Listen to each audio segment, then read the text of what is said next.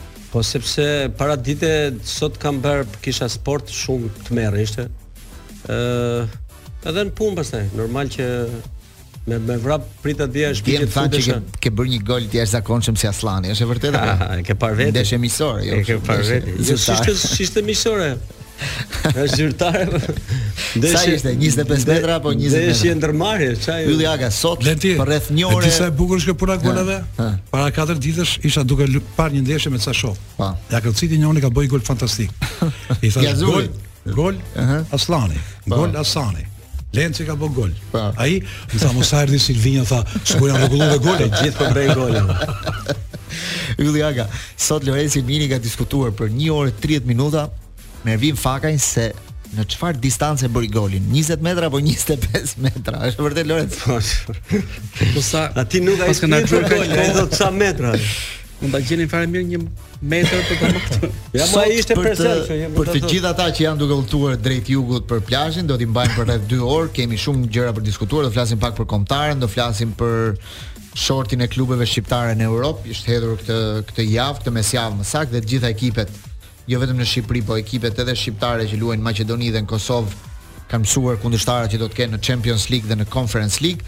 Gjithashtu do flasim pak për merkaton, pasi në Shqipëri ka lëvizje të mëdha, po ashtu në Europë, dje një emision në Spanjë, një emision shumë i rëndësishëm spanjoll sportiv, Chiringuito, ka vënë një datë prezantimit të Mbappes me fanellën e Realit të Madridit 23, 23 korrik. korrik. Thotë Reali i Madridit do prezantojë Mbappen. Do ishte një lëvizje e jashtëzakonshme sepse për të thënë të vërtetën Parisi është vendosur me shpatulla pas murit.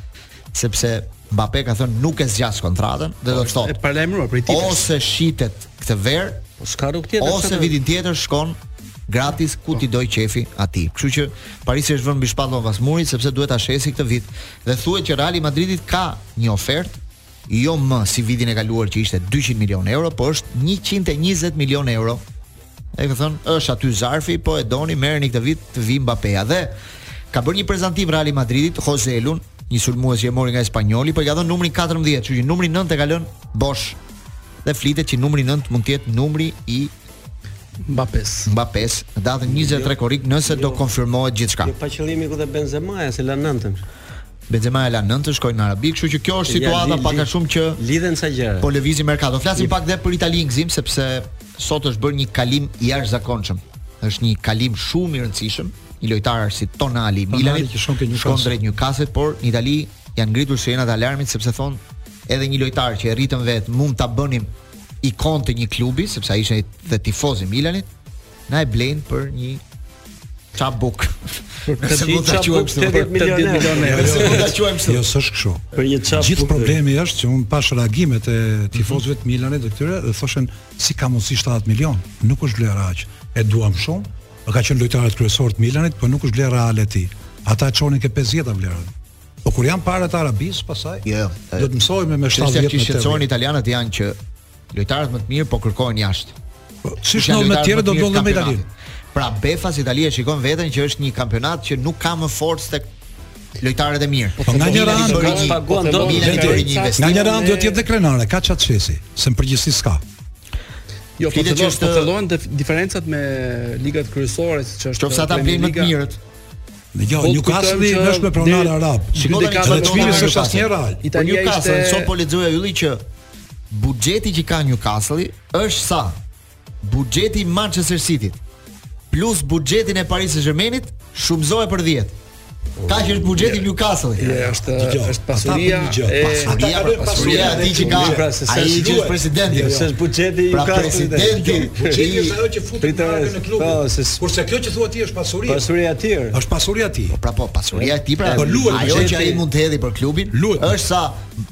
Ata pronarët e Manchester City, pronarët e po, po, Paris Saint-Germain, gjithë pasuritë shumëzoji me 10 aq është ai. Imagjinoni se çfarë fuqie ka Newcastle. Madje në Angli ka qenë pjesa e kriterit financiar të pjesës së licencimit, ë pengesave që janë vendosur pronarëve të rinj për të investuar pafund dhe pikërisht kjo është arsyeja që Newcastle në dy sezonet e fundit është praktikisht mbajtur me frena dore për të bërë investime shumë të mëdha se është e pamundur t'i justifikosh ato para pa fund që pronari i Newcastle ka për t'i derdhur në, në arkën e klubit. Dhe klubi administron paratë që vijnë nga merchandise, nga drejtat televizive, nga reklamat dhe nga biletat abonet që mund kap nga pjesëmarrja e kupave të Evropës, plus një pjesë sponsorizimi që vin nga kompanitë e e pronarit, po asnjëherë nuk është ngritur në nivelin e Manchester City të Manchester Edhe për nga United. Beri, ka qenë pak edhe trajneri është pak më më me këmbë në tokë, nuk bën po, lëvizje më shumë me ide se sa me goditje. Tani kjo më duket se po i thyen gjithë rregullat. Me vendin e katërt. Po kthen dot deklaratën e gruas së Maldinit. Gruaja e Maldinit i çonte mesazh Maldinit. Mhm. Mm për shitjen e Tonalit dhe i mhm. thoshte jo çdo e keqe vjen për keq. Për Tonalin. Për të na shkatërruar. Dhe për largimin e Maldinit dhe për largimin e Tonalit. Prit tani se po jo, bëhet gati dhe Teo Hernandez. Teo Hernandez. Edhe Newcastle edhe, edhe për Teo Hernandez, kështu që edhe, edhe për portierin. Edhe po, portieri është një nga yjet, kështu që Milani Po s'ka jo, fuqi ti tjetër. Jo, një nga debatet më të mëdha në Itali ishte fakti që Tonali nuk dëshironte të largohej.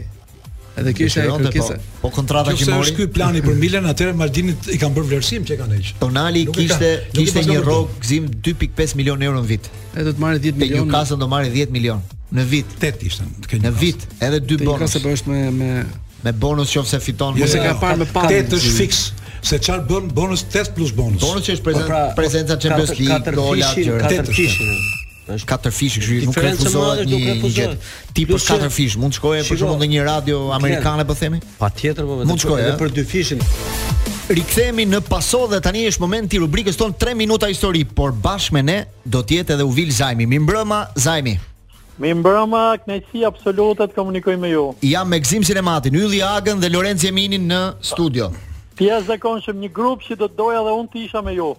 Ka të kërë më prove se ka vend. Tani, arsyeja e lidhjes tonë është ngjarja që ndodhi këto dy ditë me avokaten shqiptaro-australiane zonjën Eva Buzo, i cil, e cila tentoi për të bërë një arritje të madhe, për të kaluar me not nga Otranto, mm. kanalin e Otrantos, pra nga Brindizi në Vlorë. dhe për pak sa nuk ia arriti, por për fatin e keq sot ka patur një një lajm i cili ë tregonte që notarja ose avokatja më mirë sepse është detyruar ta po, ndalë. Po, është detyruar ta ndalë për shkak të një pickimi të një kandili, i cili ka ke, nuk e ka lejuar më që ta vazhdojë dot garën e saj për të arritur këtë këtë kalim që do ishte historik Por me atë çfarë po lexoja edhe në rrjet, ti ke bërë një shkrim pak kohë më parë mm. që dhe një tjetër qytetar italian i quajtur Paolo Paolo Pinto, Paolo Pinto. Pinto në vitin 85 ka tentuar një gjë të tillë. Tani na trego pak më shumë se çfarë ndodhi në 85-ën.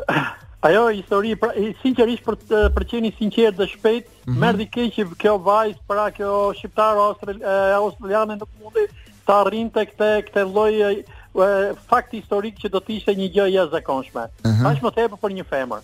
Tani duke iu rikthyer uh, historisë, unë e kujtoj shumë mirë ngjarjen kur ka qenë viti 1985, ka qenë qershor, jemi në një periudhë shumë delikate kur Greqia nuk vjen në Shqipëri sepse vdes Enver Hoxha, Greqia nuk oh, vetëm pak muaj më duket mbas vdekjes së Enver Hoxha. Madje po në maj, në fund maj vjen Polonia e Bonjekut pra me golin e famshëm dhe i vinte kjo ngjarje. Mm -hmm. Ajo që unë do të them para ngjarjes është se përveç një ekipi përfaqësues të u të, të 23 vjeçarëve që erdhi në 84-ën, ne shqiptarët të pasionuar të muzikës, sportit e me radhë e me radhë italian, nuk kemi patur asnjë lloj mundësie përveç si Torinos së largët 68-s. Mm -hmm. Pra kjo konsiderohej edhe një lloj mundësie për të parë një italian, një shans, një uh -huh. pra pra në tentativën për të pasur sa më shumë kontakte. Po si u arrit, me... si u arrit të, të merreshin vesh dy vendet që në atë kohë një italian të vinte të kalonte. Absolutisht. Ajo ka qenë iniciativa kryesore dhe që i dha një mbështetje absolute ka qenë ambasada italiane. kujtoj ambasadorin Gentile, ai u bë uh, absolut, ai ishte njeriu që e mbështeti. Po këtu kush kush vendoste nga shqiptarët që ta lejonte këtë gjë? Komi komiteti i sporteve, por duke qenë Mos ka qenë koha e Mehdi Bushatit atë apo jo? Po Mehdi Bushati pra uh -huh. ishte koha, por por në një farë mënyre nuk ishte të, të, situata ishte e tensionuar politike, por tentohej të, të hapeshin. Madje edhe Claudio Villa do të vinte në Shqipëri në fillim të majit, nuk erdhi sepse ndodhi me me ndodhi kjo me me me Enver Hoxhën. Uh -huh. Sidoqoftë tentativa kishte dhe që u u, u pranua që të të zhvillohej kjo garë. Kurioziteti i madh ishte Paolo Pinto ishte italian nga jugu i Italisë, ëh. Italian puljez, uh -huh. avokat edhe ai. Edhe ai avokat. Sa e bukur. Po 47-48 vjeçar, uh -huh. i njohur për disa gara që kishte bërë edhe ai në në La Manche, dhe që por sidoqoftë nuk ishte se pati një jehonë të madhe zhurmë të madhe publicitet përpara, siç ndodhi me me këtë vajzën po. pra që në Shqipëri ishte mhm. në dijeni. Atëherë një lloj ishte një lloj kështu jo zhurmë e madhe, por sidoqoftë gara është ndjekur. Ai e filloi, ai e filloi garën nga Italia, ha? Nga Brindisi. Ëh. Uh -huh. Jo nga Otranto, po? e njëjta distancë. Po? Dhe kurioziteti i kohës është që ai përdori dhe një Kështu si kafaz. Përdori një kafaz, është një kafaz për të. Kjo ma bidi këtë radhë që s'kishte asgjë kjo ishte e lirë fare. Për për t'u mbrojtur nga peshkaqenët. Ëh. Dhe realisht u nis, ai ishte në ishte basketbollist, i sprovuar në këto gara uh -huh. me eksperiencë dhe në në afërsi të të, të, të Karaburunit e, e, një kohë e keqe e me radhë me radhë pengoi notimin e këtij. Pas pra, pa asnjë arsye tjetër, gara u ndërpre dhe u soll në Vlorë. Ëh. Uh -huh. Pra ky u zbardhi dita u gdhi në Vlorë. Po. Por i ndier pak në faj në kuptimin figurativ që nuk e arriti ta mbyllte. Ëh. Uh -huh. Po, kërkoi që ta bënte garën, duke u nisur nga ishulli i Karaburunit dhe dhe dhe nga kepi i Karaburunit uh -huh. pra dhe të vinte në Vlorë. Për rreth 6 7 orë Arriti në Vlorë dhe kurioziteti i madh ishte se ishte rregullore e garës që tre ha hapa që do të kur shkelte tokën, se ai e quante momenti që ky njeri po, mbaron garën. Duhet të eci. Po interesante se po të shikosh edhe rregulloren e garimit në ato vite ka qenë shumë shumë shumë interesante ku s'lejohej dohaje i ndaluar, nuk mund të shoqëronte një notar, pra që të ishte një notar lepur,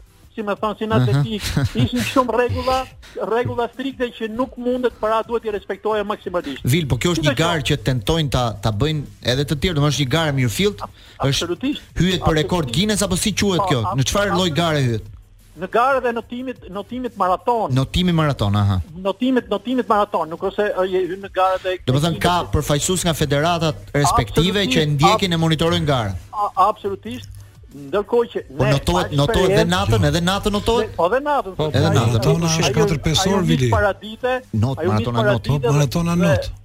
Dhe është kjo garë është shumë e gjatë. Mbas 44 kilometrash ai e ndërpreu duke qenë që distanca 44 kilometra.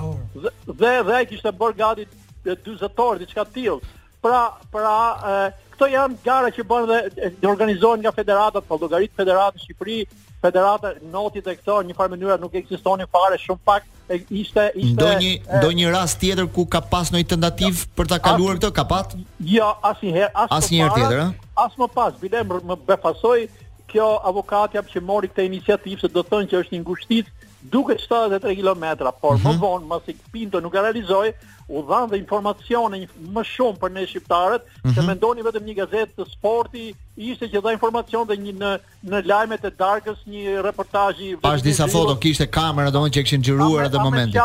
Po shiko foto pra foto uh -huh. me varka me me me me lopata. E pashë dhe kafazin në të cilin e kishin futur. Në një farë mënyrë, ai po. ishte kafazi i përgatitur në Brindisi dhe në Brindisi këtij kanë bërë një nisje të jashtëzakonshme. Por duhet të themi që edhe në Tiranë, në Vlorë, i kanë bërë një pritje të jashtëzakonshme këtij njeriu. Madje u mendua që ky të kthehej prapë me not. Në duan, por jo, a por jo, sepse aty aty jo për këtë fakt, se aty ndodhi edhe një dëmtim në dhomën e hotelit i ra korniza në një farë mënyre mbi shpatull dhe dhe duhet të mjekohet e në ato hotelet te turizmi i vjetër i Vlorës kush e ka e din në atë lloj kushte dhe ky u detyrua të largohej. Edhe një gjë, Vili, meqë jemi është dhe Gëzimi në studio dhe të dy pak a shumë keni memorje të fortë. Mm. Kush kanë qenë notar të fuqishëm në Shqipëri që bënin këto distancat e mëdha? Ka pas shumë ndonjë personazh me emër? Un them, un them që kanë qenë notarë shkodranë. Është një familje e famshme uh -huh. Shkodranë, nuk kanë qenë nga Vlora dhe nga Saranda. Mos mos kanë qenë familje Shestani, notar, familje janë 7-8 vëllezër ata. Vili, uh -huh. Më thuaj. Rrok Shestani ka qenë kampion shkodran i stilit bretkocë. A e kuptoj, e kuptoj. Rrok Shestani, kurse maratonat nuk kanë lidhje me këtë garë. Jo, kjo është kjo që kanë qenë notarë. Sepse un kam një mik për shembull që hyn këto garat, këto triatlonet, që Edhe ato janë gara të gjata. Po. Por kjo ishte sa ishte 40 e ca orë? Jo, kjo ishte me kilometra, 70 po, kilometra. Jo, jo, kjo ishte gara, ishte 40 ca orë dhe ishte 70-80 kilometra. Po, po, pra, që Po gara maratonë që regjistron federata nuk është kaq. Aty merr ah, pjesë ai, kampioni italian, Paltrinieri, Paltrinieri, e ke parë ti Paltrinierin? Po, pa, pa, ai është ai rekordmeni eh, absolut ai. Paltrinieri që ka Italia 1500. Merr pjesë edhe atje, ka njëzetshen, Garën po, më të gjatë, kurse këto nuk janë gara zyrtare, këto janë ja, ja, ja, këto janë më shumë aventura për Guinness. Janë individë të veçantë që dhe dhe për për ne shqiptarët kapërcejnë autoritetin e federatave. Si për ne shqiptarët kjo ishte një lloj a një lloj miqësie, gjest miqësie, një lloj një garë sportive që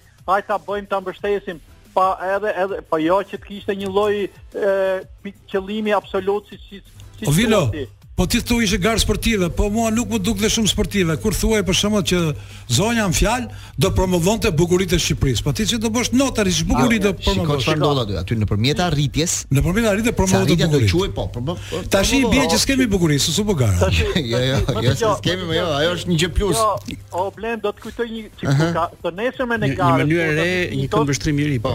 Aha. Te Pinto s' flasim për kohën, ëh, po. dhe jam dakord me Gzimin këtë që thotë, por duke referuar kohës. Ky ky notar është çuar në një ferm para ditës e, e ditës e as të, të nesërmen 25 marsi e qershorit, ky u ço u, u dërgua Pinto pra i shoqëruar nga përfaqësues në disa ferma, në disa ndërmarrje të Vlorës për të parë se si ky vend zhvillohej, se si ky vend qyteti e me radhë me radhë, siç bëhej propaganda në ato vite. Pra, në çfarë mënyre kemi një lloj propagande 30 vjet përpara, po një stili shumë mediokër që s'ka lidhje fare me këtë vajzën sot që që pra konkuron si thotë Zimi edhe për këtë lloj motivi. Kështu që kemi diferencë vitesh të tjera mentalitete, të tjera... Ndoshta ajo mund të mund ta riprovojë edhe një herë tjetër, ndoshta pasi të ketë marrë veten, ndoshta vitin tjetër mund ta mund ta riprovojë edhe një herë. Me, me siguri do të ketë vënë synimin për ta bërë këtë kalim nga Shiko, nga Brindisi në Vlorë. Vili, Vili meqë ti je njeri i këtyre nuk je Guinness, po, po je njeri që i do shumë këto rezultate të jashtëzakonshme. Do të them një kuriozitet Vili. Ka pas 50 vjetorin trajneri i Durrësit Ed Zalla. E kujton Ed Zallën? Po si s'e kujtoj Ed Zalla që po në Ed Zalla në një në një bisedë me Ed Zallën më ka thënë që a e gjen dot më tha mua çfarë dhuratë i kam bërë vetes tha për 50 vjetor? Ha, i ka bë maratonën. Edhe pse bëra bëra vrap nga Tirana në Durrës, tha. Dhe atë e quajta dhurat, tha. Kurse un di që ka bër me biçikletë Tiranë Gjirokastër e njëri. Pra, ai i jashtëzakonshëm e xalla në në Po nuk e bëjnë për gazetë, për televizion, e bëjnë për jo, vete. Ja, ja, ja, ja, pa Edi, Edi ishte pa. Po s'e ndave me ne, nuk quhet e bukur. Sepse rekordet në tamam, rekordmenët e parë të notit janë ata që janë arratisur. Po. Nuk di sa kilometra kanë bërë. A kuptoj, ja është je shumë i saktë. Po mund të ketë distancë afër me Korfuzin. Janë arratisur nga liqeni, janë arratisur nga deti, janë arratisur nga Saranda, janë arratisur. Atë ka qenë një poezi atë i thonin çuk Korfuz me komardare, rrugë rend ndërkombëtare. Nëse do të referohem, nëse do të referohem asaj që thoni ju, kemi arratisje të liqeneve, por unë do ta konsideroj arratisjen më të madhe, më të famshme dhe që është e pamundur është ajo me not e tre e, e familjes. E familjes. Që, që u nis nga Saranda mesnatë, pra që notuan 8 orë viç vllai dhe dhe dy motrat mund të është edhe më afër ajo distancë. Është jo, më afër, më shumë më afër. Nuk është. Po profe një pyetje. Jo, e fundit se do shkoj publicitet, përshëndesim Vilin. Haj. Se më bëri përshtypje, pse nuk kishte edhe kjo këtë radhë kafaz apo rrjetë mbrojtëse, se pashë po, notuar. Mos i nga shumë detajet, po, ku di Vili tani se kishte kafaz.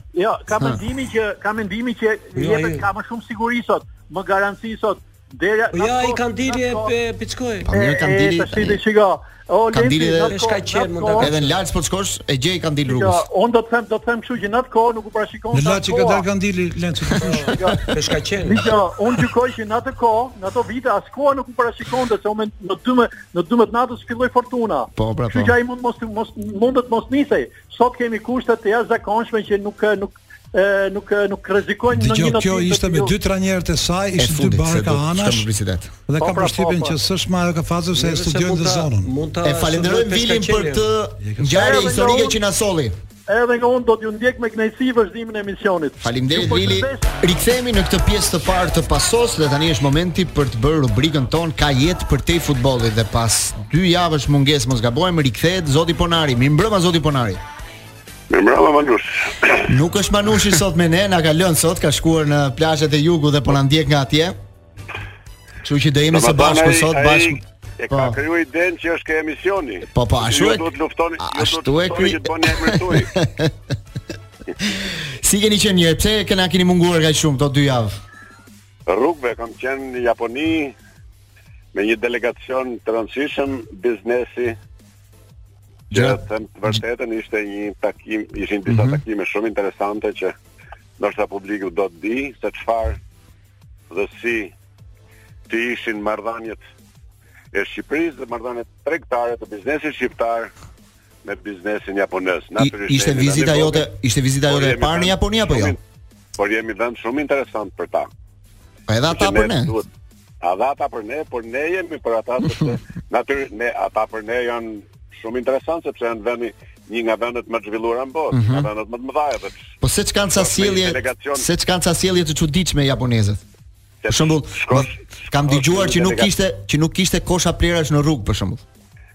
të shkosh, të të them unë, të mm -hmm. shkosh me një delegacion biznesi nga Shqipëria me 3 milion banorë dhe të takosh personalitetet më të larta të biznesit në Japoni duke filluar nga kryetarët e dhomave që kishte 1 milion anëtarë mm -hmm. dhe pastaj me me gjitha strukturat e tjera dhe duke pa disa nga ndërmarrjet më të mëdha siç janë Fuji apo Panasonic apo Toyota apo disa nga firmat e njohura Natyrisht që është një ngjarje shumë e madhe, një pritje me të vërtet interesante që ju kushtua delegacionit shqiptar. Ishim rreth 20 veta, takimet ishin në të gjitha nivelet dhe ajo që duhet thënë për ty, ajo që pyetja që më bëre mhm. ti mua është se ë uh, është shumë e vështirë të blesh të kesh një shishe ujë dhe të gjesh një kosh ta hedhësh. Po. Jo, ai është i vendosur në një vend shumë larg dhe aty afër koshit është dikush që vëzhgon atë koshin dhe nëse ti hedh koshin e gabuar do ta nxjerrësh nga koshi ta vendosësh aty ku duhet.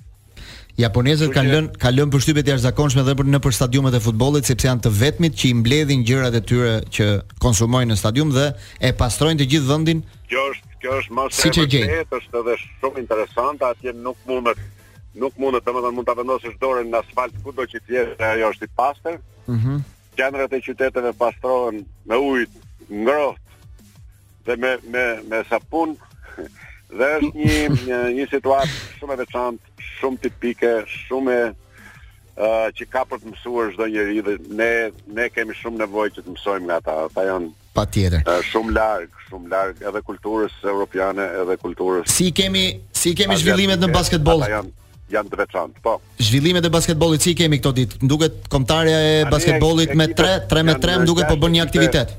Po, janë gjashtë ekipe kombëtare në këmbë, të cilat mm -hmm. po mhm. luftojnë, po përgatiten për t'u ndeshur në aktivitetet që po vijnë dhe kjo e bën mjaft interesante këtë këtë ë uh, këtë periudhë të vitit, sepse, mm -hmm. sepse të kesh gjashtë ekipe me 3 trajnerë, 18 trajnerë, me gjashtë ekipe nga 20 lojtarë, 120 lojtarë, pra janë rreth janë rreth 200 Lojtarë dhe trajnerë ekspertë që merren me përgatitjen e ekipeve kombëtare që do ndeshen gjatë gjithë muajit korrik dhe gusht për të përfunduar dhe ndoshta për të na dhënë edhe rezultate shumë të mira. Le ta shpresojmë. Le të shpresojmë. Këshilla jonë e sigurimeve për këtë javë, ku do të na çosh këtë javë? Filloi periudha e pushimeve, filloi periudha e verës. Mm -hmm. Unë do të thoja që njerëzit tashmë kanë nevojë për tre gjëra që janë shumë të domosdoshme. Tre gjëra, e para. Ajo që është shumë e rëndësishme është Siguroje shtëpinë përpara se sa të largohesh nga shtëpia. Po. Nuk i dihet. Zjarri i komshisë apo zjarri i dikujt apo të harrosh çesmën hapur të ujit Mhm. apo të bësh ndonjë gabim nga këto të kësaj natyre dhe mund të krijosh shqetësime shumë të mëdha në në dhe shqetësime financiare do të thosha. Përveç se do prishësh pushimet, do kesh një faturë të madhe, E dyta që përmend ti, do shkatërrosh edhe qetësinë e pallatit. Merr merr një kartë, merr një ë Shëndet në udhëtim, pra për periudhën që je jashtë. Shëndetin në udhëtim. Jeta po vetëm. Mm -hmm. Merr një travel insurance që kushton 5, 6, 7, 10 euro dhe je i garantuar atje ku do të shkosh do të shërbejnë të gjitha spitalet ku ndodhesh në Turqi, Itali, Gjermani, Francë apo Shqipëri apo kudo, pra të marrësh një shërbim privat. Mm -hmm. Dhe e fundit, li teleshëndetin. Teleshëndetin. Nëse je kudo në gjithë Shqipërinë dhe ke shqetësime, atëherë drejtoju një mjeku më njëherë, i drejtohesh natën, ditën, sepse mm -hmm. është shumë e thjeshtë ta bësh këtë dhe është shumë uh, duke qenë kontraktuar dhe duke mos shqetësuar pjesëtarët e tu të familjes apo mjekun e lagjes apo tjetrin, ke një mjek kontraktuar të cilin e merr në çdo kohë dhe të përgjigjet 24 orë të ditës. Në gjithë Shqipërinë. Kam për vete, për fëmijën apo për dikë tjetër dhe je më i sigurt ose rekomandimin e tij shkon filan farmaci merr këtë ilaç ose ta jep ilaçin drejt për drejt recetën në në sistem. Pra, pajisja me një teleshëndet, që sot është një risi e madhe botërore, është e domosdoshme për çdo qytetar shqiptar. Tre këshillat e Sigalit pra për këtë javë dhe falenderojmë zotin Ponari për këtë lidhje dhe dëgjohemi përsëri javën tjetër. Edhe unë ju falenderoj. Dhe ju uroj gjithë. Kaloni një fundjavë të mirë. Ciao. Momenti për të folur pak për optikën gjermane, që është një risi për të gjithë ata që duan cilësi dhe garanci. Aty do të gjeni xhama optik prodhim gjerman të certifikuar nga markat më elitare gjermane siç është dhe Redenstock, të vetmet të certifikuara. Gjithashtu një pikë e fortë janë vizitat për fëmijët, për ndjekjen dhe kurimin e të gjitha problemeve të shikimit i fëmijëve me një staf të huaj dhe të specializuar në veçan dhe veçanrisht për këtë pjesë. Ambliopia, shikimi i dobët, strabizmi dhe çdo shqetësim që vini re tek fëmijët tuaj do të gjeni zgjidhjen optimale tek Optika Gjermane. Optika Gjermane ndodhet tek Komuna e Parisit përballë Crystal Center. Gjithashtu në Instagram mund ta gjeni në faqen German Optik.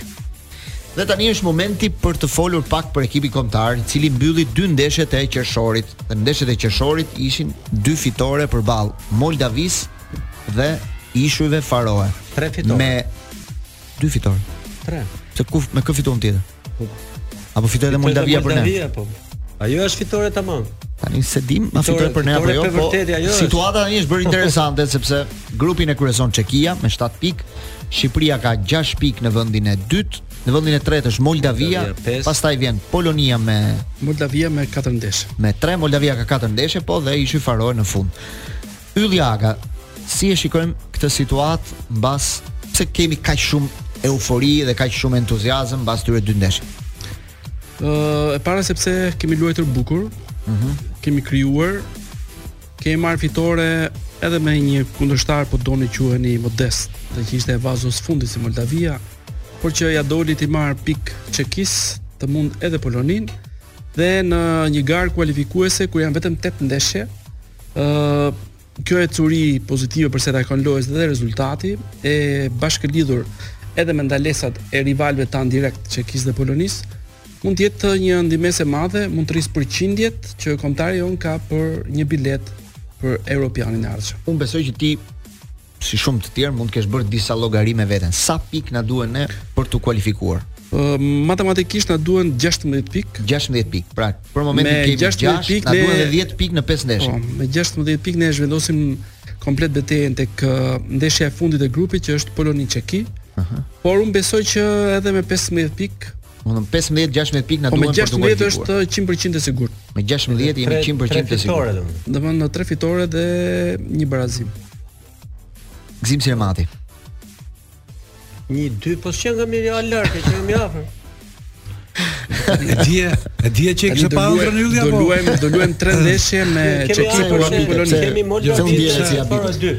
Po po, po duhet të bësh një fitore po, po, me me një. Jo, nuk po bëjmë ndonjë gjë tjetër. Ne vuajmë, ne jo, ne s'po bëjmë asgjë ndryshe nga ç'kemi bërë gjithë jetën. Vetëm llogari me pikë bëjmë gjithë kohën, dalim s'dalim. Më duket sikur thelbi nuk është ky. Thelbi është që ka ndryshuar mënyra e të luajturit. Në tre ndeshje, ka një logjik loje. Po. Ne po nuk e kemi pa kombëtaren, ka luajtur me ekipe të dobta dhe herë tjetër. Se dhe këto sfida e vërtetë tamam fillon shtator. Po. Ku do kemi të them të drejtën që kemi Çekinë, jo, dy në shtator, një tetor që janë. Data 7 jemi në Çeki, data 10 jemi me Poloninë. Dhe pastaj ndeshja e tetorit e para është me Çekinë. Me Çekinë. Ajo që është më duket se ka një ndryshim në mënyrën e sjelljes së kombëtares, dhe ajo që më bën përshtypje është që ka më pak gafa. Më ka më pak gabime. Ëh. Mhm. Ti je i sigurt që ky nuk është magjistar për të hequr gabimet? Silvinho. Futbollistit sikur janë më të të përgjegjshëm këtë radhë, dhe ndoshta e kanë ia kanë ndaluar vetes luksin për të qenë dhe gafaxhi. Se ne e kemi pësuar nga mbrojtja, tani për shembull ne harrojmë fare, merremi me pikët, po goli i Berishës ishte ishte gol që ai nuk e meriton më të jetë në portë. Goli që pësoi. Goli që pësoi. Një vendosje e tillë, domethënë, është duhet të japë shumë shpjegime për atë, si trajneri si portieri. Megjithatë nuk merret njeri sepse rëndësi kanë pikët dhe fshihen gjërat. Nëse ai gol do pësohej me Çekinë, do kishte një tjetër diapazon, do amplifikohej më shumë veprimi, kurse sot neve nuk flasim më se bëjmë llogaritë që morëm 6 pikë aq sa na duheshin. Në fakt, unë do të thoja që shenjat janë pozitive, dhe më kujtohet brenda logjikës që luan kombëtarja që ka qejf të mbajë topin. Ndoshta është një privilegj i kundërshtarëve që kemi pasur, por lexoja një shkrim që thoshte që i bënte Saki analizë guardiolizmit. Rrymës së Guardiolës në futboll, ndikimit të tij. Edhe thoshte ne do marrim në Itali, thoshte. Katër trajnerë thoshte edhe merrte Piolin, Sarin, Spaletin, edhe një të katërt, nuk po e gjej dot. Jan katër trajnerë thoshte që pëlqejnë që nëpërmjet lojës së bukur, zotërimit të topit thoshte Gasperini. Ti edhe Gasperini, bravo mm -hmm. Atalanta. Mm -hmm. Edhe jepte mënyrat e lojës së ekipeve dhe si ekipet duan që të mbajnë topin, të dominojnë me lojë, të krijojnë lojë të bukur dhe të marrin rezultat. Pak a shumë, domethënë, kjo në një mënyrë tjetër ka qenë dhe e Sakit vetë përpara që me një lloj spektakli garantonte. Mm. Dhe mua më pëlqen brenda tre ndeshjeve mënyra se si ka luajtur Silvinho. Ka krijuar kombëtarja më shumë raste. Edhe edhe lojtarët që kanë bërë golat Jo me të njëjtën herë të parë që shkojnë me kombëtare. Jo vetëm kjo, që morën vlerë njerëz që ne i kishim harruar. Shumë Muçi bëri gol për herë të parë. Po këto janë kështu, kjo është Asllani po ashtu. Kjo Asllani ka shënuar në ndeshje miqësore. Kjo po. Asllani nuk duhet të marrë gol special. Ky ky ky Asllani duhet të marrë si rebelim special. Sepse gjithë kohën, domethënë ka qenë mënjanë vetë dhe i vetmi argument ka qenë nuk ka vend ke Interi, nuk po luan ke Interi. Në fakt ne e dinim shumë mirë që ai kishte një vend për ty te kombëtarja.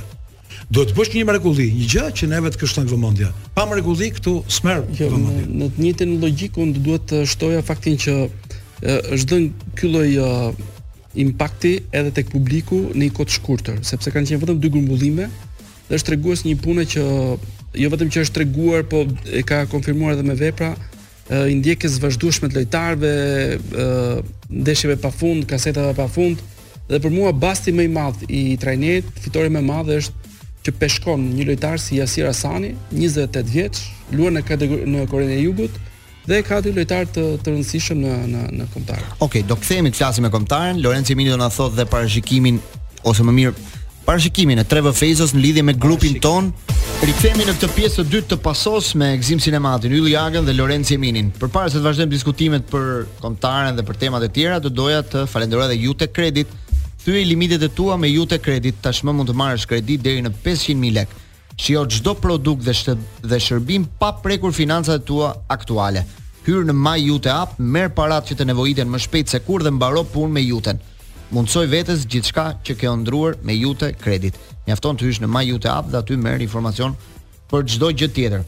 Ndërkohë, po diskutonim pak për kombëtaren dhe Lorenc Jemini dhe 3V Fejzo do na japi parashikimin ose më saktë përqindjet po, e kombëtares shqiptare në këtë grup ku jemi në këtë situatë për kampionatin europian 2024. Çfarë thotë? Falenderojmë edhe 3V Fejzon që na shoqëron emisionin tonë Paso. Cilat janë përqindjet e kombëtares? Janë rritur ndjeshëm mbas fitores së dytë radhazi dhe humbjes së Polonisë janë kanë shkuar rreth 62%. 62% po, po, po. që Shqipëria kualifikohet në Europian. Madje për të zënë vendin e parë. Ja, si shumë optimiste. Po. Hmm? Për të zënë vendin e parë. Ë, për të zënë vendin e parë. Shiko, Glen. Ë, mbas fitores që e prisim në Ishujt Faroe, megjithëse unë e pashë ndeshjen me vëmendje dhe e, i pashë dhe drithërimat e Yllit të pasere, kur ishim 2 me 1, se humbën një dy raste ata, por që ecuria e ndeshjes dukej që ne do fitonim, domethënë. Me gjithë rastet që humbëm pjesën e parë, penalltinë e Cikalleshit, raste pa fund, Ë dhe këto dy ndeshje nuk është se ne është tregusi jon, ëh, se ne mendojmë që jemi më lart se sa këta, jemi më lart, por ishin detyrim për t'i fituar që të shpresojmë tani që ndeshjet e shtatorit sepse në qoftë se ne bënim një rezultat negativ, na priteshin shpresat për për shtatorin. Mm -hmm. Duke parë edhe ecurin, por mendoj që ë më duket se ajo situata si në 2016-ën, si erdhëm 2016-ën ndeshjet në Portugali një fat i paparë 30 raste Portugalia dhe fitojmë ne ndodhi ajo që ndodhi me Serbinë dhe të gjitha bashkë. Kurse këtë vit mendoj që kemi e një grupin më të lehtë që mund të na binte, sepse kemi dy ekipe që janë që mendoj t'i marrim 6 6 12 pikë dhe para pak Ylli tha që me 15 pikë ose 16 ne kualifikohemi ne jemi të kualifikuar i bie që ne jemi vetëm një fitore larg ë uh, Polonisë dhe Çekisë që nuk është ndonjë çudi edhe një barazim po i Po mirë se varet si ecën edhe ecuria e tyre të po, dyja. Dhe më atyre tjetër duke llogaritur që marrin pikët maksimale me ta. Duke parë këtë situatë them që jemi shumë optimist, por mos të harrojmë dhe një diçka tjetër, se Jemi bërë optimist me kombëtaren sepse ka bërë tre ndeshje në në drejtimin e Silvinjos dhe i ka të treja ndeshjet pozitive. Edhe humbjen që bëmë Poloni ishte një ndeshje pozitive, luajtën mirë, do na na kënaqën dhe dy fitoret pastaj që ok, ne na plus që mbushja edhe mbushja e stadiumit që e diskutuam. Rikthehemi prapë te kombëtare sepse do bëjmë një lidhje tani do flasim jemi në linjë direkt me Taulant Stërmasi, presidentin e Federatës Atletike dhe ish trajnerin e Luiza Gegës. Mirëmbrëma Taulant.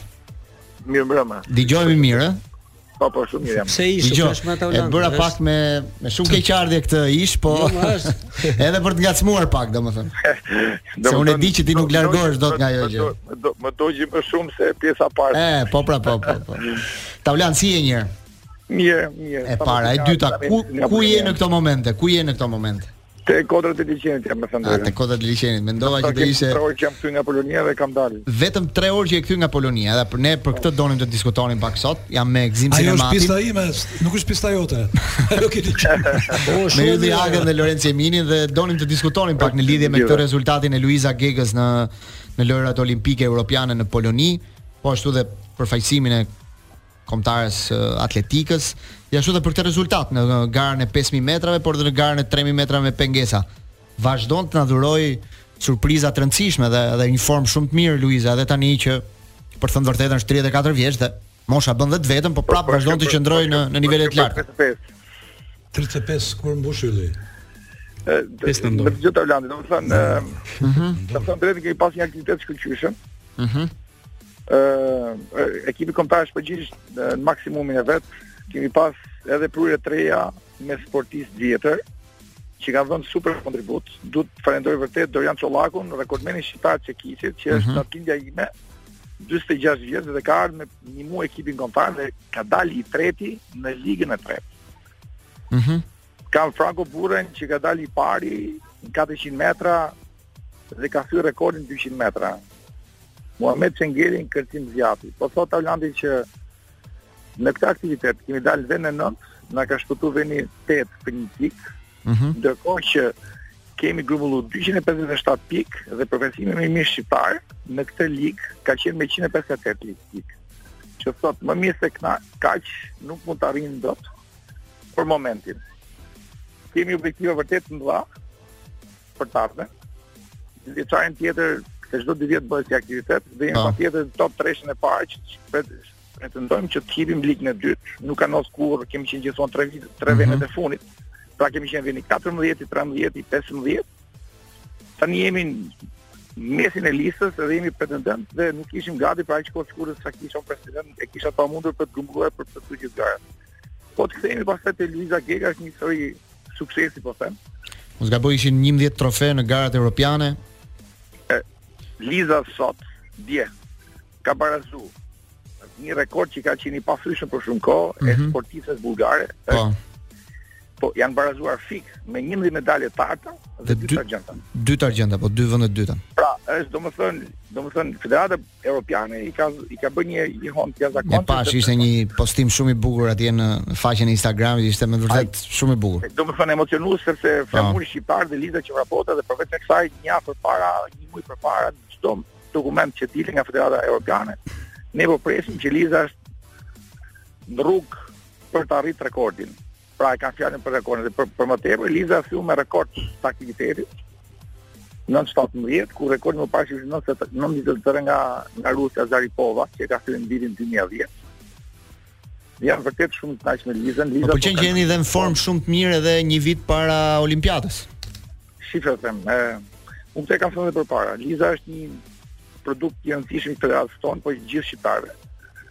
Edhe është ka ca objektiva shumë të qartë, momenti kur Liza nuk do të jetë më mirë mm -hmm. se ç'ka bërë vitin përpara, do stopojë sportin.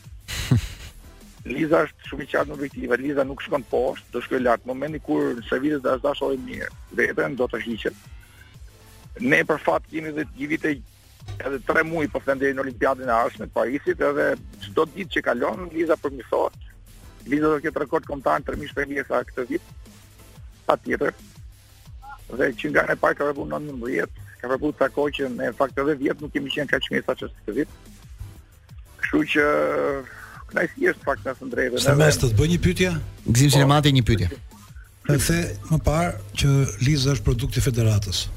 Tashi ti je titullari i federatës. Po kur ishe ti në pozicionin e trajnerit dhe me vite të tëra, më shumë ka qenë produkti i trajnerit se i federatës. Unë kam biseduar me Liza. E kisha fjalën ke shumë të drejtë. Ë, që se fjala e federatës duket sikur ne kemi aneksuar. Duket sikur jo. është ka dalë nga laboratori i federatës. Në fakt, ju të dy ishit ju të dy e çatë këtë punë edhe ju u bëtë federatë, ju u bëtë atletikë, ju u bëtë medalje. E drejtë, e drejtë. Ë, Liza është produkt shqiptar. 100%. Ky është fat i madh. Kupton që tregojmë edhe ne që e, sportistë të këtyre niveleve që është sportiste më e mira në Europë për gjithë kohërat për aktivitetin europian që është më i rëndësishëm i federatës europiane është mm -hmm. rast që domethënë nuk e majnë dot shtetet e mëdha. Tani është mas. Të të them dhe diçka që ta bëjmë si bashkëbisedim. Po, po, po, Këto atletet më të mirat që ka Evropa dhe bota në përgjithësi nga përvoja botërore. Në çfarë moshe janë, domethënë, pak a shumë mbi 30 janë, do ndonjë lloj pjekurie këto në ja, në këto gara. Domethënë, ne kemi ne kemi jo vetëm këto gara. Për shembull, kemi kampionen e botës që është 37 vjeç në 100 metër. Që mendohet që garat e shpejtësisë janë gara që janë më të konsumojnë më shumë dhe kryesisht mendohet që kanë një jetëgjatësi më të shkurtër, kurse vrapimet e gjata kanë një jetëgjatësi më të gjatë për arsye se nuk kanë atë konsumimin. Ëh. Mm -hmm.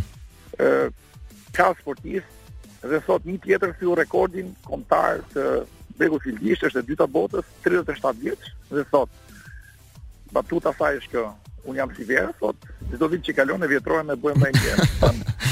e kam fjalën që ne për fat në atletikë kemi shumë të matshme rezultatet. Pra nuk mund të thuash dot që të interpretojmë nëse Ronaldo apo Messi sot janë më të mirë se çka qenë vjet. Pasi është çështje interpretimi dhe asaj që shohim. Po tani e menaxhojnë më mirë veten dhe gjithçka tjetër, kanë shumë eksperiencë. Taulant, dhe një pyetje të fundit doja. Ë uh, Liza në Olimpiad, në çfarë garash mund të futet? Në çfarë disipline domethënë? Vetëm një disiplinë. Vetëm një disiplinë, vetëm 3000 metra. Liza arrin normën në katër gara. Në katër gara. Por sot mm -hmm. nuk ka rëndësi kjo, domethënë shumë për lum. Lizës i duhet një garë që është 3000 pengesa, aty ku është e fortë. 3000 me pengesa. Sot rankohet e katra në botë, mm -hmm. e rankuar. Mhm. Mm dhe aty ku ne do të luftojmë që në botërorin e Budapestit, ne tani e kemi në gusht, në mm -hmm. fund të gushtit, të rankohemi mes tre më të mirëve dhe nëse ne futemi mes tre më të mirëve në botë, mm -hmm. do të thotë që në Olimpiadën e radhës Medalje do pretendojmë sepse kampionati botëror është homologu i olimpiadës, pra janë të njëjtë sportistë e kuptova, po, po, po, po. Nuk i gjen dot nga hëna, kështu që automatikisht janë objektiva dhe nëse përmirësojmë rezultatet, po të them, nëse Liza vrapon 9-2 në 3 deri vitin tjetër, pra përmirëson 5-6 sekonda të paktën, Është e sigurt që është medalje, nuk nuk e Le ta shpresojmë, le ta shpresojmë. Taulan, punë të mbarë dhe shumë faleminderit për këtë lidhje dhe informacionet që ndave me ne. Faleminderit juve dhe ja kalofshi mirë. Jemi sërish në paso dhe diskutuam pak më parë me Taulan Stërmasin, presidentin e Federatës së Atletikës, gjithashtu dhe trajnerin e Luiza Gegës, i cili na tregoi pak për suksesin e Luizës në dy garat e fundit në lojrat olimpike europiane. të cilat po zhvillohen në Poloni, në Varshavë, po edhe në disa qytete të tjera. ë Shqipëria merr pjesë me me disa sportistë, janë 7 disiplina, 11 sportistë në disiplinën e boksit, në karate, në taekwondo, në qitje, në padel, në tekbol, po ashtu edhe në skermë, do marrin pjesë dhe në skermë këtë radhë me një sportist.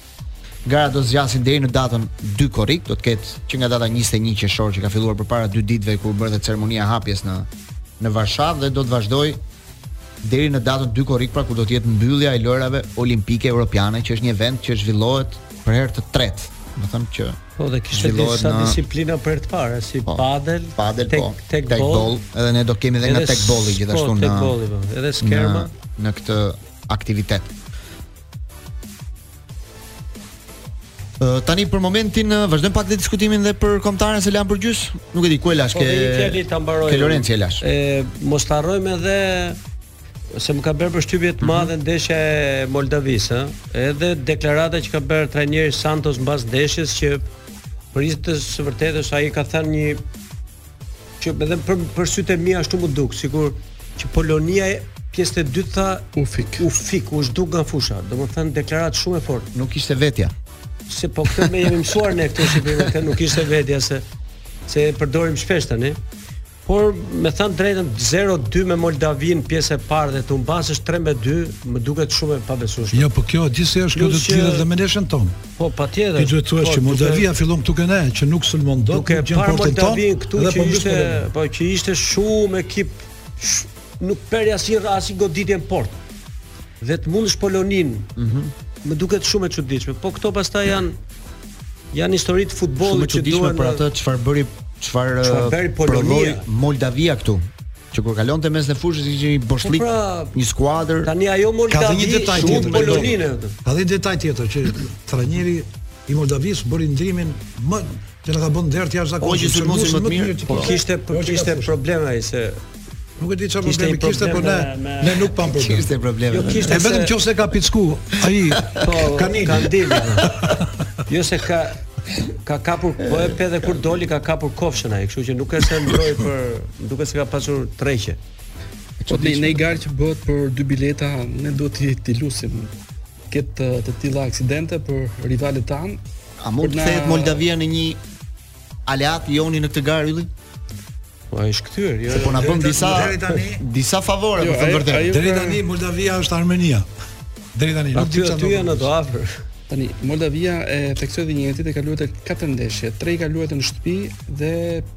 Është më në kuotën e, e 5 pikëve. Ë besoj që i ka mbaruar nderet për ekipin tonë, ndërkohë që nuk shoh gjithashtu asnjë shans që ajo të tentojë ë të jetë në garë për kualifikuese sepse ka një ndeshje më shumë të luajtur se sa ekipet e tjera. Ëh, ne duhet të gëzohemi faktit që kemi bërë paraqitje pozitive në tre ndeshjet e para. Është krijuar një një frym mjaft pozitive përreth ekipit kombëtar. Ndeshjet e shtatorit pati edhe një shpërblim prej 6000 eurosh për futbollistët nga ana e federatës për këto dy fitoret që u morën. Janë miratuara po. që në fillimin e këtij edicioni, ashtu siç është edhe bonus në rast se shkohet në në në, në Gjermani. Gjithsesi, shtatori do të jetë uh, goxha i egër. Tani edhe Polonia, edhe Çekia i kanë mbaruar ato. Do i tresin mendin. Po ti kshu i po i marrim dot pikët apo na duhet dhe i dron? Na duhet në i dron apo i marrim kështu? Po, po them që në letër, por edhe në fush kemi qenë minimalisht të barabartë me këta kundërshtar. Nuk e di çfarë do të ndodh me me Lendi që do të mund të luaj. Kam një pyetje me spec, po në radio s'e ke atë muzikën me spec, vetëm Manushi e zotron atë. Mhm. Ë kam lexuar trajnerë specialist, ish futbollist gjërat që mbasi japin këtë ndjesinë që kanë, siç është ndjesia e përgjithshme që kanë ndryshuar gjërat ke mhm. kombëtarja, mm -hmm. në fund fare kanë një mbyllje Të përbashkët thon bravo Duka këtë radhë qëlloi. Tashi akoma nuk e din njerëzit apo kanë qejf servilosen, që me këtë trajner nuk e ka zgjedh presidenti Duka, po e ka zgjedh më shumë Rama se Duka. Njerëzit përqark kryeministrit e kanë sjellur Silvinjon me garancinë që do jetë trajner që do ndikojë këtë kombëtar. Po u futëm te ky diskutim. Tash ky diskutim i bukur është i thotë. Do themi ke diskutimi i De Biazit kush na po, çoi në po, Europian, na po, çoi De Biazi apo na çoi. Jo kush na çoi. Apo do të jo. kemi ke jo, jo, ke diskutimi këtë vit kush doli kampion, doli. Është tjetër, dëgjoj. Presidenti i Partizanit apo doli trajneri i Partizanit. Ne jemi presidentin. Do të thonë gjithmonë, jo jo, gjithmonë futemi pas do futemi te kjo. De Biazi ka një mision që De Biazi kishte bërë dhe intervistë interesante, lexove? Jo. Që thoshte që kombëtarja thoshte është më mirë se ajo imja. Ëh. Mhm. Është më cilësore. Po. Grupi është më i lehtë se sa ai që kishim ne. Ëh. Mhm. Sepse dhe ka drejt. Është vërtet është. Te Portugali, Danimark, Serbi, Serbi, dhe Armenin. Do, Armen, Armenin po. Ëh. Mhm. Dhe por thoshte që merita është tani është e trajnerit, ai nuk thoshte presidentit. është trajneri ai që i ka mbledhur lojtarët. Po në këtë diskutimin nuk e mbarojmë asnjë. Po, ne ne ne shfaqemi kombëtarja e Shqipërisë aty. Inshallah shkojmë në Gjermani, pastaj meritat le t'i ndajnë si po, të duan. Ndaç t'i ndajnë, ndaç po, t'i pjestojnë, ti shumë shikoj këtë gjë që kur ka vullnet dhe bashkëpunim bëhen gjëra të mira. Edhe në 2016-ën ka dhe më pak gabime në mbrojtje. Edhe Edhe në 2016-ën mbani mend që Federata me qeverinë kishin një bashkëpunim shumë të fortë me njëra tjetrën? E mbani mend? U ndërtua me aksion në Elbasan Arena. Po në kohën e Covidit e mban mend? U bë një gjë. Kjo shë qeveria tha që s'ka ndihmuar asgjë, s'ka bërë asgjë për futbollin. Po mirë, ka momente. Fjalë që dilin nga smira. Reflektoi qeveria dhe dha kontributin e vet. Sa e bukur. Që në këtë moment. Kjo lloj teatri më është më keq se pra- futbolli. Pra pesh aty afër, ë. Ngjan shumë me 2016. Po ngjan pra, ngjan me po, të gjithë detajet ngjan.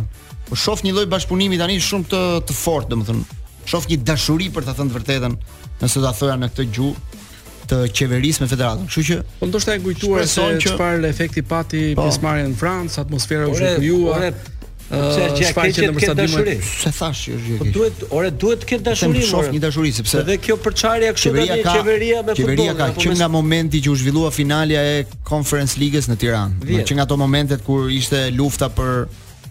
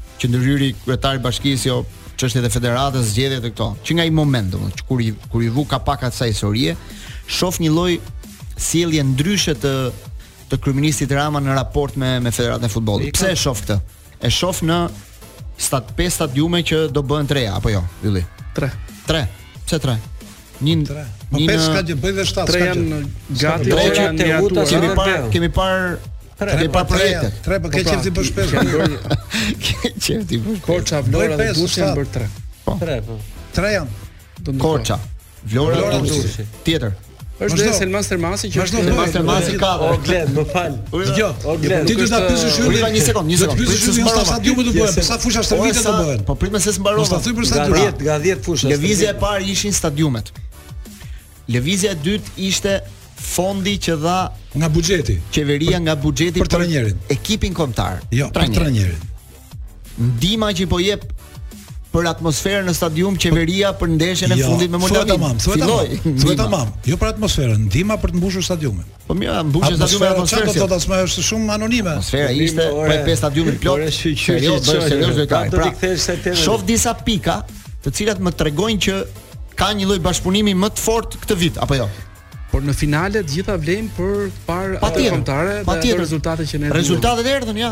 U deshin 6 pikë, 6 pikë erdhën. Po Glen, vetëm një diçka se do iki do dhe s'do ta themi meqë po diskutohen stadiumet në Shqipëri dhe tani e shikoja me vëmendje. Diskutojnë që Vlora do me 30000 tifozë. Jo, mirë ato tani u mbyllën. Jo, ndërkohë që Inter Miami po bën stadiumin e ri dhe kishte me 21500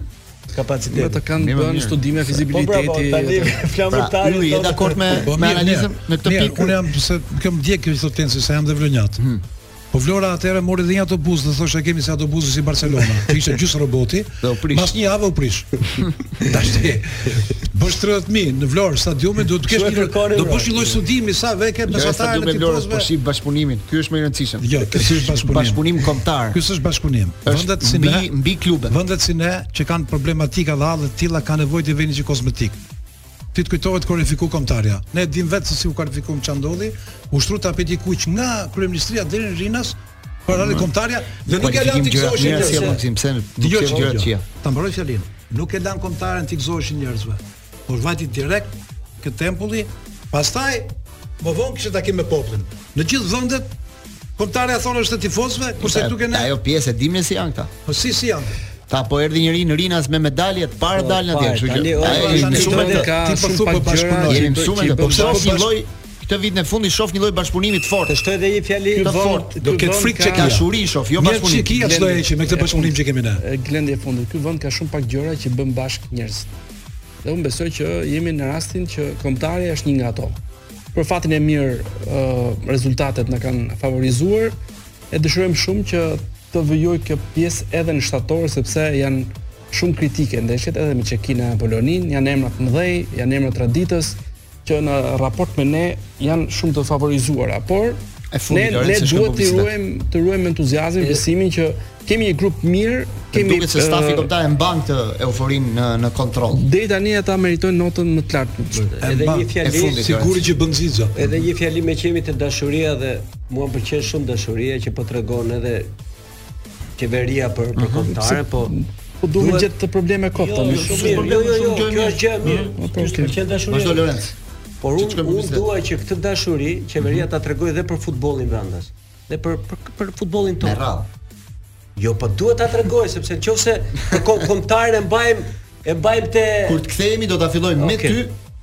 për ngjarjet e Kukësit. Çfarë do ndodhë me ngjarjet e Kukës me Kukësin mbas lëvizjeve të fundit? Dhe me Parashqevi Simakun në rubrikën Je i lashtë të Gzim Sinemati rikthehemi në këtë pjesë të pasos, në pjesën e dytë. Më vjen mirë që u bën ja 2-3 herë me Parashqevinë. Do të parë kjo punë. Nuk e di do të parë kjo punë. Jemi keq. Ha? Jemi keq. Jo, jo shumë mirë, vetëm si atë gjithë brez.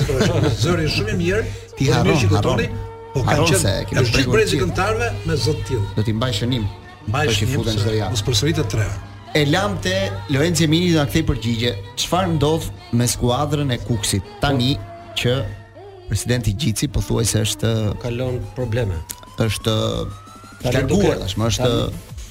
është larguar. Ai është larguar nga nga nga posti i kryetarit të bashkisë, po nga domethënë ka këtë po ai nga po futbolli, ai nga futbolli është larguar para kësaj se po, ka kaluar. Sepse duke qenë se ishte president, eh kryetar i bashkisë, tani duke nuk ishte president direkt, po ishte president nderi. Duke pasur lidhjen e ngushtë që ka pasur presidenti me klubin. Mendoj që klubi i Kukësit do kalojë në në vështirësi, madje edhe këtë vit që kaloi. Duket që po ikin gjithë lojtarët. Po, dhe këtë vit që kaloi, nuk ka siguri Kukësi, për, Kukësi po rrezikoi, rrezikoi seriozisht kategorinë. Se edhe këtë vit presidenti i nderit larg ka qenë, larg ekipit. Madje sa herë se Gzimi ka thënë shpesh që sa herë Kukësi humbte, thoshin kthehu ku je president. Kthehu Safet, ose kur kthehej ai sot lexova që klubi i Kukësit ka dalë në shitje, Nuk e di se sa e e kam lexuar në në rrjetet sociale, nuk e di se sa e saktë si. Ylli Aga ka ndonjë informacion të fundit që po ndodh? Mund të jetë Nuk, nuk dua ta besoj këtë pjesën e shitjes pikërisht në këtë moment sepse ai është një klub që është investuar goxha. Tani është bërë edhe me një stadium të ri atje. Mhm. Klubi është në pronësi të familjes Gjici, 88% nëse nuk gaboj. administrator është vllai i Gjicit, Lavdrim Gjici. Ë praktikisht nuk duhet të ketë asnjë lloj problematike për një lloj vazhdimësie sepse bizneset e familjes vijojnë të kenë atë punën e tyre. Ë mbështetja nuk duhet t'i mungojë sepse edhe në në këtë moment zoti Gjici me këtë situatë që ai po kalon. Mbas kësaj ngjarje që ndodhi, ti mendon që ai do jetë prap president i Kukësit në shtator? Do të jetë afër skuadrës së Kukësit në shtator apo do hmm. largohet përfundimisht edhe nga futbolli? Për Safetin. Po. po. Zoti Gjici. Duke e njohur ti. Jo, domethënë ajo është një situatë goxha e koklavitur dhe nuk mund ta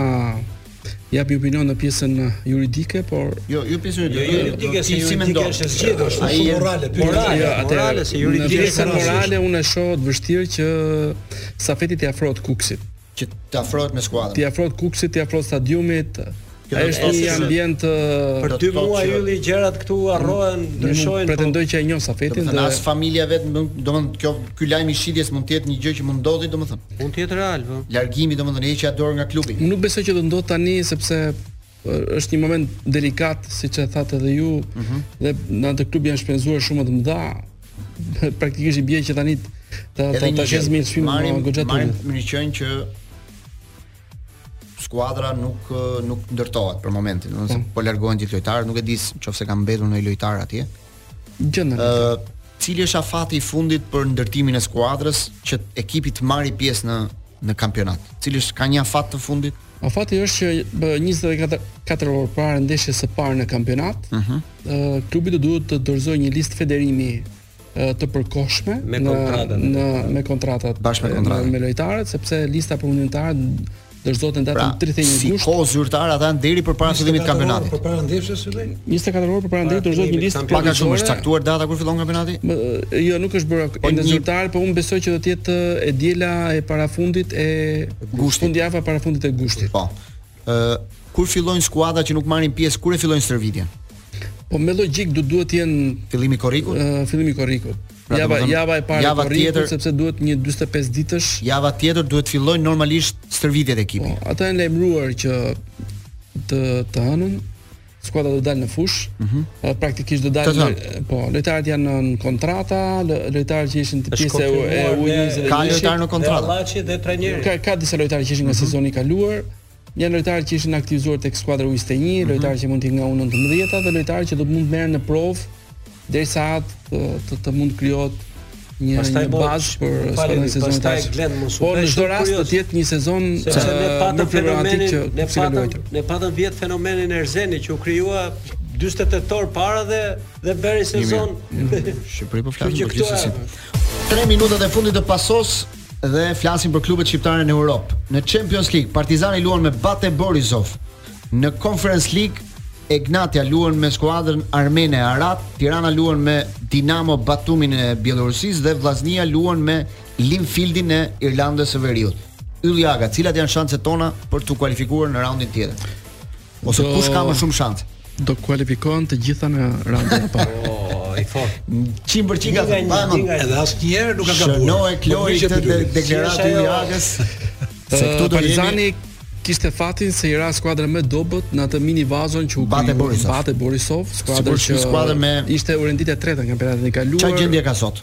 Është është ajo skuadra e rrezikshme që shkonte në grupe dikur. Jo, jo, jo, nuk ka lidhje fare me atë. Ajo që është renditur vend tretë se u plus që ka edhe një lloj favori që nuk do të luajë në Bjellorusi. Po.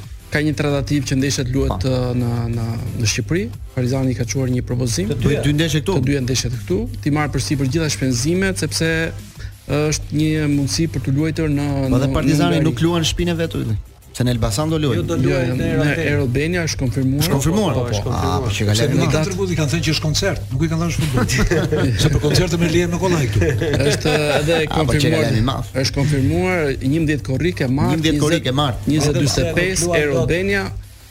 Ndërkohë që Tirana datën 13 në Air Albania. Edhe Tirana. Edhe Tirana. Edhe Tirana në Air Albania. Uh, Egnatia luan në Elbasan Arena, Egnatia në Elbasan Arena, Vllaznia në Shkodër. Loro Boriçi. Shanset e skuadrave të tjera Partizani për ty. Sa për Partizani për mua është 70% i kualifikuar. 70% i kualifikuar. Vllaznia me Linfieldin. Ti the 75% 75%. Tirana me Dinamo Batumin. Tirana është 51%. 51% po, dhe po, Tirana qe ra skuadra më e fortë e minivazos që kishte Egnatia me skuadrën e Ararat 99% e kualifikuar. 99% është ekipi i dobët shumë. E ti s'i ke përqindjet, ylli? Si përqindje votimesh? Po po po, vitin e kaluar, Rrogozhinë që vitin e kaluar më duket vetëm